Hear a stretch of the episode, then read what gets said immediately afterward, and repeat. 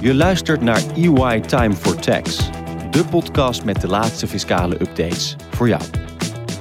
Over belastingen over winst, omzet en arbeid en belastingen in het nieuwe digitale tijdperk. Wij gidsen je in een klein half uur door de ontwikkelingen op het gebied van fiscaliteit. Dit voorjaar hielden we eindelijk weer live onze Tax Law Days. Het jaarlijkse evenement waar we onze kennis delen en ingaan op actuele ontwikkelingen. In een serie van drie afleveringen belichten we enkele van de thema's die aan bod kwamen. In deze aflevering praat Linda Herms met Daniel Smit en Siska Wisman, experts op het gebied van Europese belastingen en belastingrecht, over de nieuwe Europese UNCL-richtlijn. Wij gaan het vandaag hebben over een nieuwe richtlijn van de Europese Commissie, de UNCL-richtlijn. We gaan een uh, deep dive doen daarin. Uh, Daniel, Siska, dank en welkom uh, voor jullie komst. Ja, neem ons eens mee in, in deze bijzondere richtlijn, UNCL. Wat betekent dat? Wat is het doel van deze richtlijn? Het gaat om een uh, voorstel die eigenlijk als doel heeft het bestrijden van ja, lege vennootschappen in concernstructuren. Denk aan brievenbusvennootschappen, schijnvennootschappen. en het idee is eigenlijk dat ja, dat soort vennootschappen er niet langer zouden moeten zijn in de ogen van de commissie. Die heeft daartoe eind vorig jaar december een voorstel ingediend om ja, zeg maar structuren met ja, relatief lege vennootschappen, lege houtstructuren bijvoorbeeld, om die te bestrijden. Nou, lees je in de krant best veel dat Nederland toch veel van dat soort uh, brievenbussen uh, maatschappijen heeft. Er is ook al lang sprake van maatregelen in zekere zin. Is, is dit nodig om dat soort maatschappijen toch nog aan te pakken? Bestaan ze nog zoveel? Ja, dat is een goede vraag, denk ik. Er is natuurlijk de afgelopen jaren heel veel uh, nieuwe regelgeving tot stand gekomen op internationaal niveau. Bijvoorbeeld het MLI, het multilateraal instrument met een principal purpose test. Een soort internationale vrouwslegis bepaling zit daarin. We hebben ook binnen de Europese Unie hebben natuurlijk al verschillende richtlijnen op het gebied van belastingontduiking. Dus ik denk dat de vraag is inderdaad, denk ik wel terecht, is er op dit moment inderdaad reden om zeg maar weer nog een stap verder te gaan? Ik denk dat het ook met name ja, op dit moment ook een politieke keuze is van de commissie. Hè, om, uh, nou ja, in het kader misschien van, eh, baat het niet, ons raad het niet. Laten we er toch nog maar een schepje bovenop doen. En die specifieke een groep van, ja, wat, wat de commissie dan zegt, eh, schijnvennootschappen of shell companies, plankvennootschappen. Laten we die specifieke groep toch nog eens uh, specifiek gaan aanpakken om te voorkomen dat die groep misschien net tussen de huidige regels doorglipt. Dan hebben we in ieder geval die Unshell Directive, zoals die oorspronkelijk heet, hebben we die als een soort vangnet voor situaties die, ja, waar we die we willen bestrijden. Ik kan me voorstellen dat hier de EU moet met elkaar overeenstemming hebben over het gaan aanvaarden van zo'n richtlijn definitie van zo'n vennootschap lijkt mij vrij complex. Welke keuzes maken ze daar nu in? Nou, als je ziet hoe de richtlijn is opgebouwd, dan zie je dat er een aantal testen zijn ingebouwd. En het begint met wat er wordt genoemd de gateway-test. Er wordt er getoetst per entiteit, voldoet die entiteit aan die voorwaarden. Er wordt er gekeken naar het type inkomen, er wordt gekeken naar nou, of er inderdaad eigen managementactiviteiten worden verricht. En vervolgens krijgen bepaalde entiteiten te maken met een rapportageverplichting. Dan moet ze aangeven of zij over voldoende substance eh, beschikken. Eh, en vervolgens, wanneer daar niet aan wordt voldaan, ja, dan treden fiscale gevolgen in werking. En zijn nou alle Europese landen het hier nou over eens dat dit dus de definitie is van een vennootschap die moet worden aangepakt? Of zit daar nog ruimte in de toekomst toe dat daar anders over gaat worden gedacht? Dat is de vraag. Er ligt op dit moment enkel een voorstel. Uh, de commissie heeft overigens na dat voorstel een consultatie geopend. Waarop bedrijven, bedrijfsleven, allerlei stakeholders konden reageren op de richtlijn zelf, zeg maar. Nou, die, uh, die consultatie is afgerond. Dus er zijn iets van, nou, ik geloof, 20, 30 reacties opgekomen. Dus de commissie zal die reacties gaan meenemen, zeg maar, eh, in het onderhandelingsproces. De lidstaten zullen zelf met hun ideeën natuurlijk ook komen.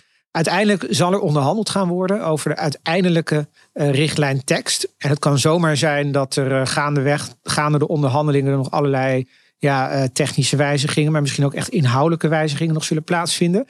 Afhankelijk van ja, hoe lidstaten hier tegenaan kijken. Dus het voorstel ligt er. Maar ja, wat er uiteindelijk aan de eindstreep uit gaat komen, dat is nog wel een beetje een vraagteken. En ook een vraag wanneer dat dan precies zal gebeuren. De lidstaten binnen fiscaliteit moeten altijd unaniem eens worden, het unaniem eens worden over een richtlijn.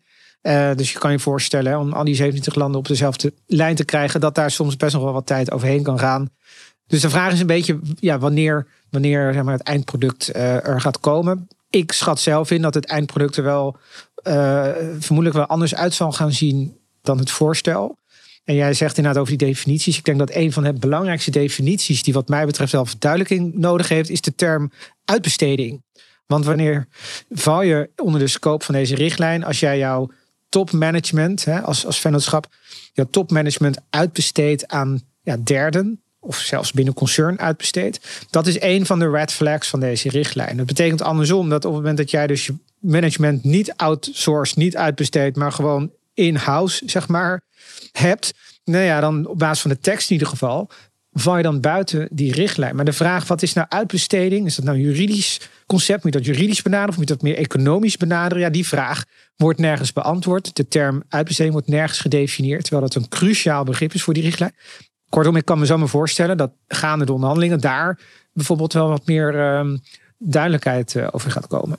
Wat denk ik wel belangrijk is, dat je, ik, waar de richtlijn primair dus voor geschreven is, het uitbesteden van je bestuur aan derden. Nou, dan moet je dus gewoon denken, praktisch, hè, het inschakelen van een trustkantoor die de directie gaat voeren. Dat is denk ik met deze richtlijn, als die is aangenomen, die figuur zeg maar, is denk ik verleden tijd. Dat gaat dan niet meer werken. Althans, het gaat mogelijk wel, maar je zit in ieder geval dan onder die richtlijnen. Je moet dan allerlei hoepels door om er vervolgens weer uit te komen. Dat is lang, eh, lang niet altijd even makkelijk. Dus uitbesteding aan trust, dat is eigenlijk primair waar deze richtlijn eh, zich uh, tegen wil verzetten. Dat is dus onder andere ook een van de die gateway criteria, als ik jou zo beluister. Als je dus naar die criteria kijkt, um, moeten veel bedrijven zich dan nu zorgen maken als je kijkt naar nou, klanten waar jullie mee spreken. Moet er veel gebeuren? Of zijn er ook veel bedrijven al toch wel uit dat soort structuren? Nee, of er veel moet gebeuren hangt denk ik per nou ja, bedrijf af. Ik denk wel dat het zaak is om tijdig met de review te beginnen. Um, Unshell is nog een voorstel, hè, dus het moet nog worden aangenomen. En als het wordt aangenomen zal het gaan gelden waarschijnlijk vanaf nou, 1 januari 2024.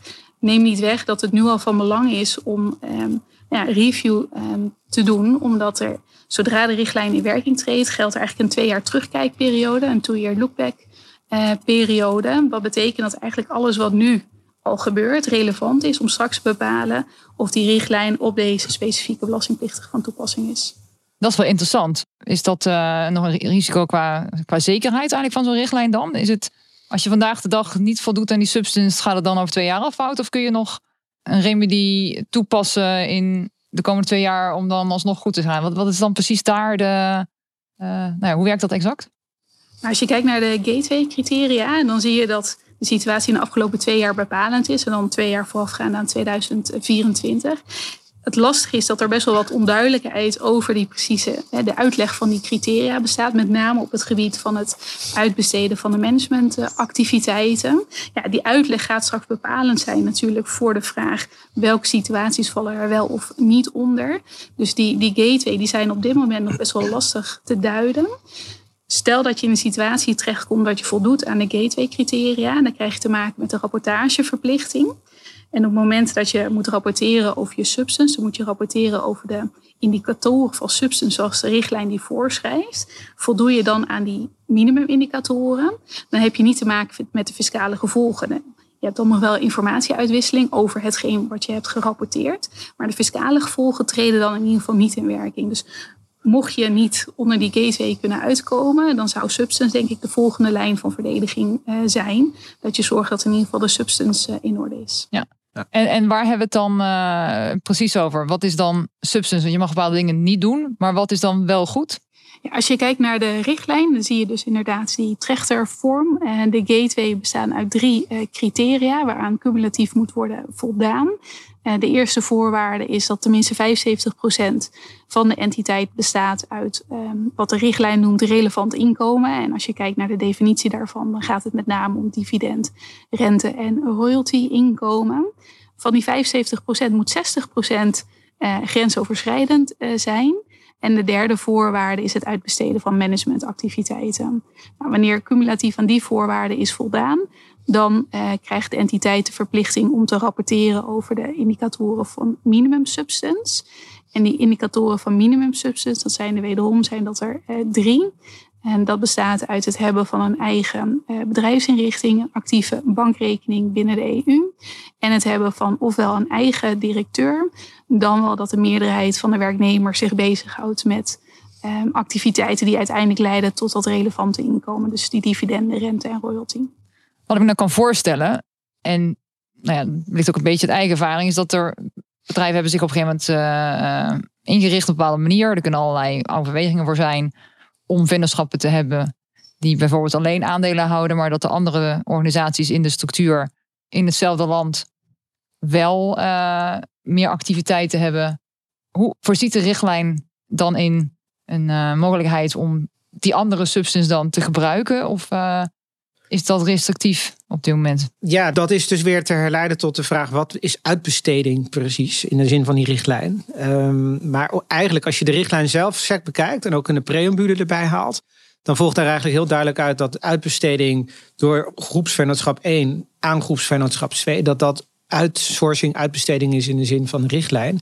En je dus in de scope van die richtlijn valt. Dus anders gezegd, hè, wat jij schetst, die situatie, die valt dus uh, mogelijk onder de rijkwijde van deze richtlijn. Betekent dus dat die, nou ja, die, die inlenende concernvennootschap zal moeten gaan rapporteren aan Nederland. Hè, dus moeten gaan rapporteren, voldoe ik aan de subsidiescriteria. En uh, ja, het lijkt erop dat de tekst zelf dus ja, veronderstelt dat het je eigen substance moet zijn. Dus als jij substance als het ware leent van een groepsvennootschap, inleent, dan lijkt de tekst te zeggen, ja, dat is niet je eigen substance. En daarmee kwalificeer je dan mogelijk niet voor die substance En ja, dan kom je dus steeds dieper in die trechter terecht, hè, wat Siska net uh, aangeeft. Dan zul je dus, uh, ja, dan word je dus uh, vooralsnog geacht een Shell Company te zijn. Tenzij je zakelijke redenen kan, op tafel kan leggen waaruit het tegendeel blijkt. Hè. Dus dan moet je als het ware als belastingplichtige aantonen dat jij ja, geen fiscale motieven bijvoorbeeld hè, hebt gehad voor het opzetten van die lege vennootschap, van die concernvennootschap. En dat zou dan je escape moeten zijn. Ik denk dat je in, de zin, in die zin, met name bij die tax motive toets, hè, dat je zegt ik heb geen fiscaal motief, want kijk maar, ik had het inkomen ook via een een groepsvennootschap met wel voldoende substance kunnen laten vloeien. Maar ik heb om niet fiscale redenen voor het alternatief gekozen. Ik denk dat dat wel eens zou kunnen kwalificeren onder die motieftoets. Als je dan weer net de tekst van de richtlijn erbij pakt, dan lijkt die tekst van de richtlijn daar weer beperkter te zijn. Dus kortom, eh, linksom, rechtsom zou je in ieder geval gevoelsmatig denken: inlenen binnen concern, dat zou geen probleem mogen zijn. Want uiteindelijk doe je dat niet per definitie hè, voor fiscale motieven. Alleen ja, die richtlijn zelf, waar je nou precies de escape gaat vinden, dat is nog wel, uh, nou ja, zeg maar voor discussie vatbaar. Ja. Maar goed, vaak ja, is het wel obvious hè, dat het geen typisch misbruikgeval is uh, waar die richtlijn voor is geschreven. Dus uh, je zou er, normaal gesproken zou denken, je zou daar dan toch niet onder moeten vallen. Ja. Hebben jullie enig beeld bij? Wat gaat Nederland hier nou mogelijk mee doen? Gaan zij dat aanpassen? Um, gaan ze daarmee naar de Europese substance criteria die nu zijn geformuleerd, die maar wel wat afwijken van het Nederlandse lijstje? Wat uh, misschien een beetje een glaas bol. wat uh, weer een idee bij? Ja, het is inderdaad wat je zegt, Linda. Het is een beetje een glazen bol. Het open deur. Nederland moet deze, als deze richtlijn wordt aangenomen, moet Nederland hem gaan implementeren. Ja. Het grote verschil zit hem er al in dat op dit moment hebben wij wel substance criteria, maar dat is meer in een beleidsmatige sfeer. En um, nou ja, dit, is, eh, als deze richtlijn in werking komt, dan heeft het niet voldoen aan die subsidiecriteria ook echt fiscale gevolgen. Je krijgt namelijk te maken met, met tegenmaatregelen, met, met bijheffingen. Dus um, daar zal Nederland iets mee moeten qua wetgeving. Maar het is wel een terecht punt. En ik, ja, dat is denk ik puur. Dat is echt een vraag voor politiek Den Haag. Wat ga je. Hè, want de criteria die wij nu hebben zijn niet één op één hetzelfde als de criteria van deze richtlijn. Dus ja, wat ga je doen? Ga je ze naast elkaar toepassen? Dus worden er twee aparte toetsen die waar je allebei aan moet voldoen? Of zeg je, nou ja, we schaffen onze eigen criteria af en daarvoor in de plaats komen deze Europese criteria? Um, dat, dat, dat vind ik lastig, uh, lastig in te schatten. Uiteraard zou ik zelf denken, joh, probeer het een beetje overzichtelijk te houden. Dus probeer het zoveel mogelijk in, elkaar, in ieder geval. Ga niet met verschillende setjes substance werken. Zorg in ieder geval voor één pakket. Dat iedereen weet van, nou, als ik daar aan voldoen, zit ik altijd goed. Wat nou, hè, als je daar doorheen bent, een motieftoets uh, wordt niet gehonoreerd.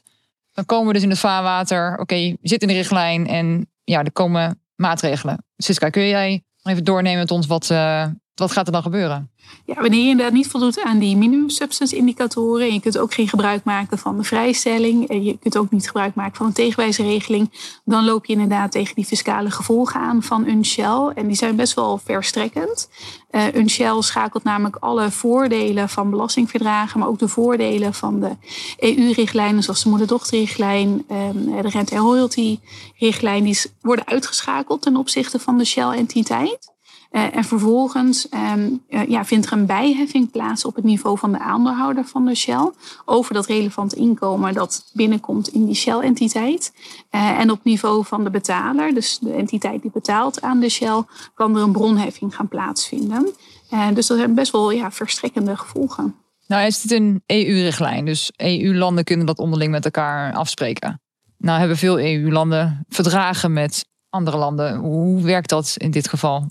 Als je het hebt over die tegenmaatregelen, die Siska net uitlegt, dan geldt in ieder geval binnen de EU dat die belastingverdragen die worden eigenlijk eh, uitgeschakeld. Ja. Dus je hebt geen verdragsbescherming meer volgens deze richtlijn. En dat is wel iets dat kan best wel verstrekkende gevolgen hebben. Ehm, ten aanzien van niet-EU-landen, als ik dat eventjes ja, kort en goed zeg, dan worden verdragen met niet-EU-landen worden wel gerespecteerd. Oké, en is dat waar de Europese Commissie uiteindelijk dan ook content mee is? Van nou, dan hebben wij het in ieder geval geregeld. Of, of zie je daar nog een, een olievlek die qua discussies gaat uitbreiden naar impact op derde landen? Op welke manier dan ook. En praat even hardop of dat uh, dan niet wat mogelijk is hè, in met een verdragennetwerk. Maar ja, kijk, politiek, van politiek gezien is het natuurlijk de logische vervolg. Op het moment dat jij binnen de EU regelt en je regelt het best wel streng, hè, wat ik aangeef, geen verdragsbescherming meer. Nou, het, soms kan het zelfs tot dubbele heffing leiden.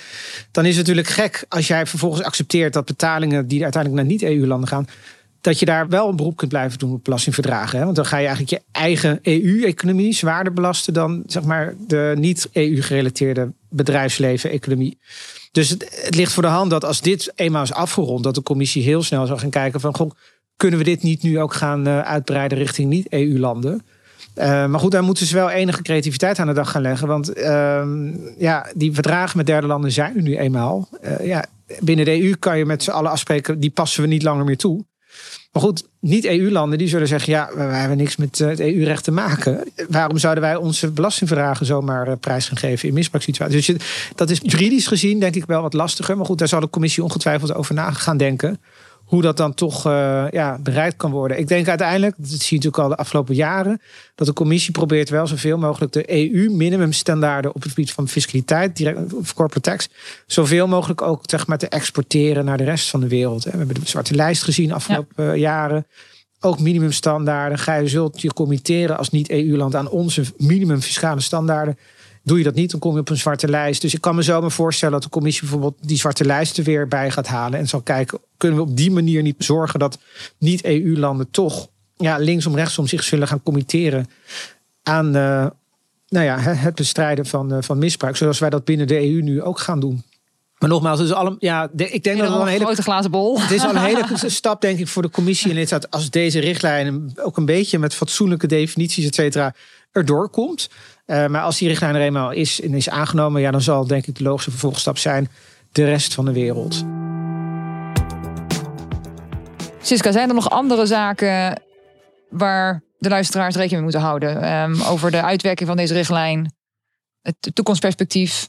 Wil je nog wat uh, aanvullen? Een aantal aandachtspunten zijn uh, even onder de aanname dat de richtlijn inderdaad per 1 januari 2024 in werking treedt zijn natuurlijk nou, het reviewen van de gateway, nu al op dit moment, vanwege die twee jaar terugkijkperiode. Ook met in het achterhoofd dat op het moment dat de verplichting tot rapportage bestaat, dat er ook een boeterisico is op het moment dat je namelijk onjuist rapporteert, dan krijg je een boete uh, opgelegd. Dus dat is denk ik iets om uh, ja, toch scherp uh, op te zijn. Zorgen dat je substance in orde is met ingang van 1 januari 2024. dus dat is misschien iets, in ieder geval vanuit een Unshell um, perspectief om, om scherp op te zijn. Dankjewel. Daniel, jij nog aanvullingen?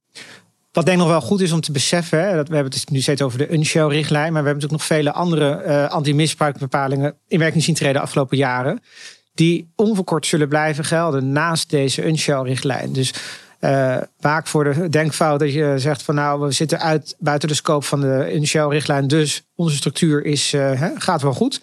Je kunt nog steeds een PPT-probleem hebben. Hè? Je kunt nog steeds een probleem hebben, mogelijk met de EU-GAR, met het Emily. Dus ja, je zult al die verschillende anti-misbruikbepalingen nog steeds constant moeten blijven toetsen. En eigenlijk met die Unshelter Directive ja, komt daar nog één extra toets bij. Hè? Maar het is niet zo dat als je goed gaat voor de Unshelter Directive, dat het dan nooit misbruik kan zijn. Je, je zult constant de volledige uh, toetsing van al die afzonderlijke anti-misbruikbepalingen moeten maken. Dank jullie wel. Werkende winkel. Deze podcast is opgenomen in april 2022. We geven hierin onze visie op actuele ontwikkelingen. Dit is geen advies en er kunnen geen rechten aan worden ontleend. Meer opinierende podcasts, blogs en artikelen vindt u op ey.com.